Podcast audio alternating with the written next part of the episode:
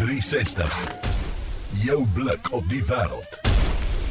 Ons blik vandag op groente en ek sê weer eens dankie vir 'n gas wat altyd sê sy is gewillig om ons te help met hierdie vraagstukke en ons het onlangs bietjie gesels oor groente, hoe baie met 'n mens daarvan jou dieet inwerk, op watter maniere, maar vandag hoe maak 'n mens groente gesond en smaaklik gaar? En sover moontlik moet jy dit eintlik rou eet, né? Sê hulle so rou groente, 'n rou worteltjie vir jou hier en daar is eintlik baie goed vir jou.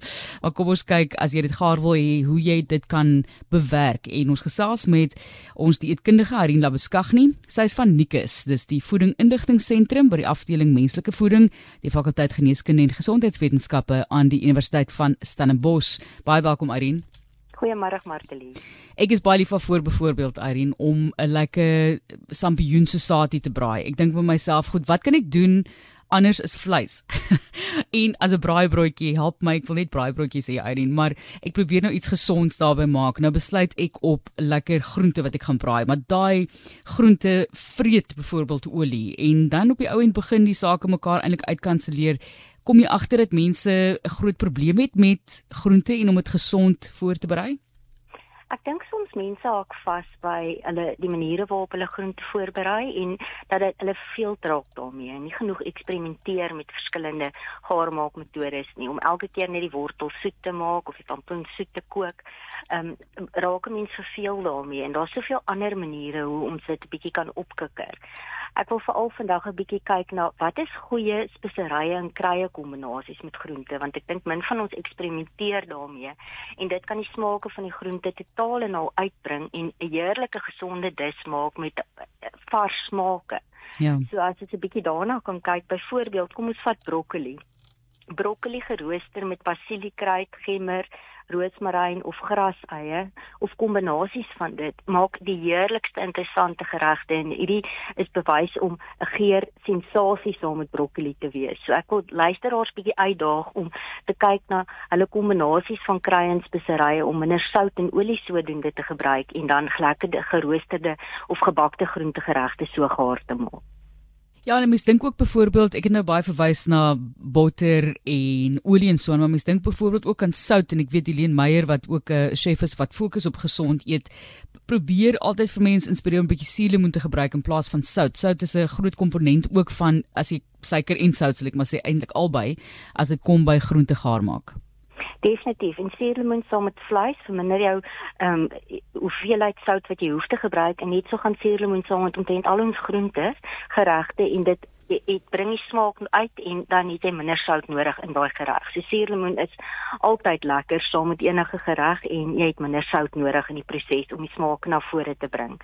As ek nog so twee voorbeelde kan gee, ek het net nou gehoor 'n luisteraar praat oor wortels met kaneel en suiker.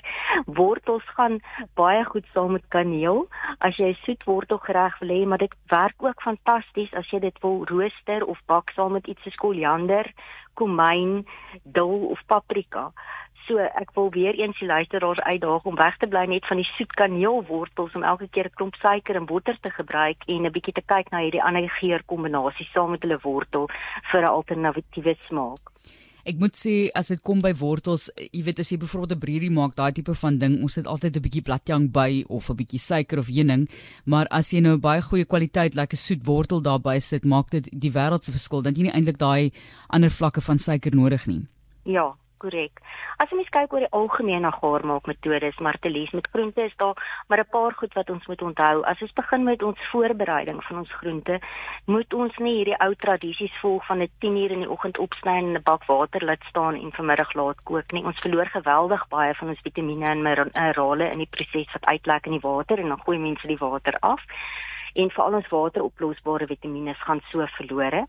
Verder word hierdie groente wat klaar opgesny is en nie goed bedek word en in die yskas gebeer word of baie goed bedek word nie blootgestel aan lig wat lei tot oksidasie en verder nutriënt verliese vind plaas. So die beste manier om jou groente voor te berei is om dit net voordat jy dit gaan gaar maak op te sny en te skil en nie in water te laat lê sodat dit uitlek nie. As ons ons groente wil was voordat ons dit gebruik, vinnig onderlopende kraanwater afspoel, nie nodig om lank in water of in enige oplossings ehm um, soos vir dinde blykmiddel byvoorbeeld te lê nie want ons gaan weer eens van ons nutriënte so laat verloor. As ons ons groente kook met baie min water, die kookproses dophou dat ons nie water afgooi wat wat nutriënte bevat nie. En dan is stoom vinnig braai, roerbraai en oondbak of rooster van jou gesondste maniere om jou groente gaar te maak. En jou oondrooster werk veral baie goed as jy dit saam met die kruie en en, en speserye geure kombinasies doen.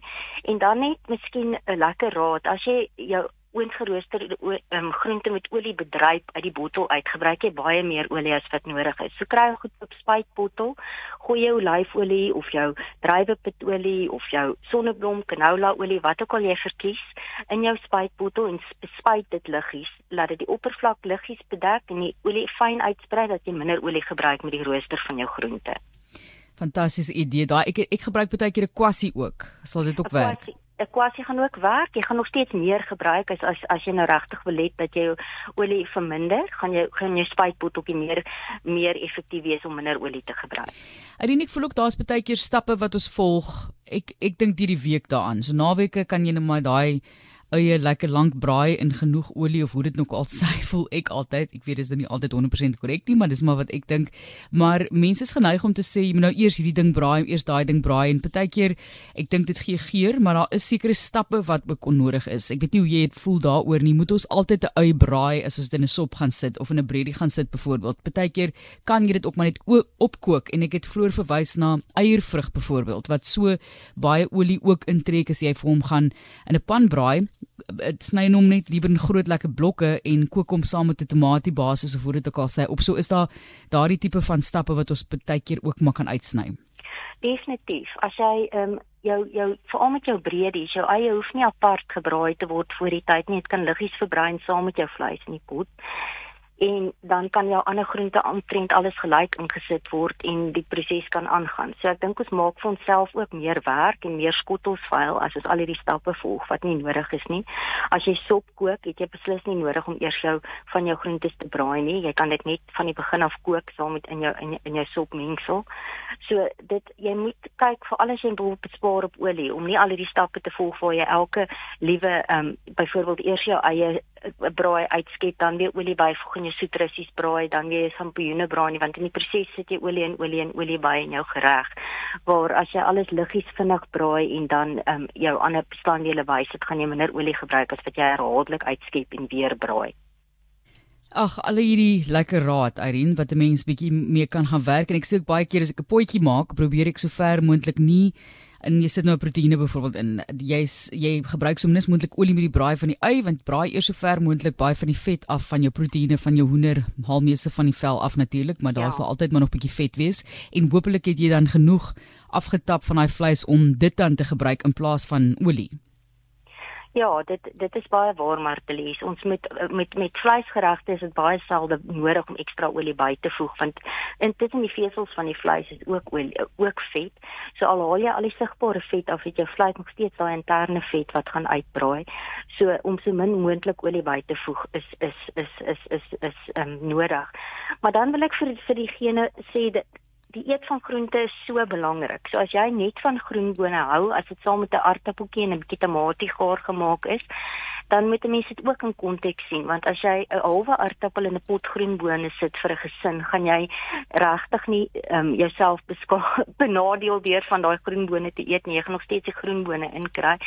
So moenie um, as jy veral as mense vir jou gesin kos maak, dis belangrik om groente voor te berei soos wat hulle daarvan hou want op die ouend van die dag moet ons groente eet en ons moet dit geniet. En as daar almal in die huisgesin gesond is en nie oorgewig is nie, kan kan 'n ma klein bietjie suiker by op pampoen sit, maar probeer al hoe minder en al hoe minder totdat daai smaakpalet nie meer so baie suiker nodig het nie.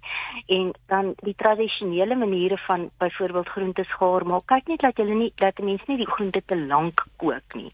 En, en veral met te veel water begin kook en dit heeltemal stadig afkook nie.